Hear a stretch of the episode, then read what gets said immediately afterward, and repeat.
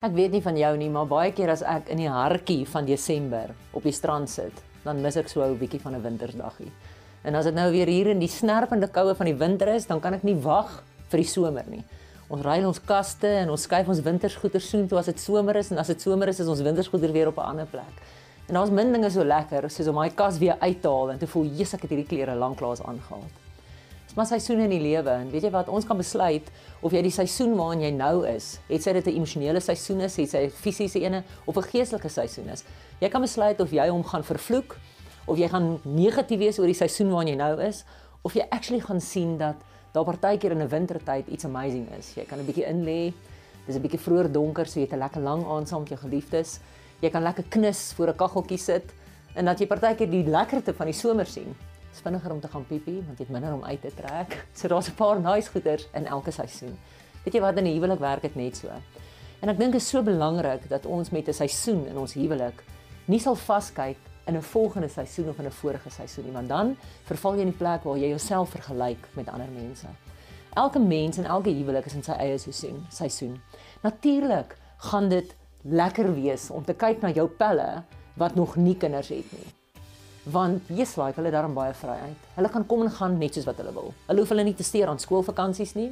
Hulle hoef met ander woorde nie diervakansies te hê nie.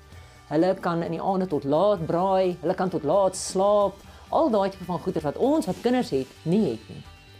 Maar hulle ken nog nie die vreugde van om 'n kind te hê wat jou mamma neem en op jou skoot sit nie.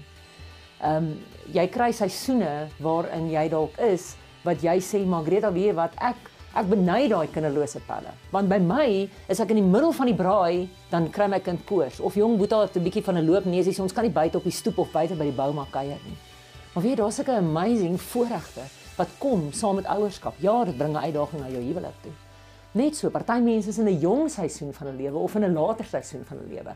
Jy gaan dalk deur finansiële druk, jy het jy het groot uitgawes, jy het 'n groot huis, jy het karre, jy het baie skuld en so meer. Maar weet jy wat, jy is dalk in die seisoen waar jy net moet gaan bereken saam met al daai skuld, saam met al daai baie bagasie wat jy het. Het jy al sulke amazing memories bymekaar gemaak? Jy het al staf wat deel is van jou lewe wat niemand kan loskeer van jou af nie. Ek dink dit is baie gevaarlik as ons ons seisoen begin vergelyk met 'n ander een. Ons moet ons seisoene begin identifiseer en besef dat weet jy partykeer is ons so gejaagd om 'n berg uit te klim dat ons nie eers stil staan by die mooi rivierstroom waar ons nou uitkom nie. Ons sien nie eers die voeltjies in die bome waar ons nou verbystap nie. Ek wil jou regtig waar uitdaag vandag om te gaan fokus en al moet jy vir jouself 'n lys maak en sê maar wat is die joys wat ek nou het? Ek is miskien nie meer jonk nie, maar ek celebrate maturity. Of jy's ek is jonk en ek is vry, ek het nog nie maturity nie, maar ek het spasie en ek het vryheid. Om regtig voor te gaan sit en dink, in watter seisoen is jy nou? Gaan celebrate hom. Hou op om jouself te vergelyk met 'n ander huwelik. Al wat jy gaan lees is mismoedig of jaloers. Jy gaan nooit op 'n plek van vrede wees nie. Aanvaar die seisoen en neem hom lief.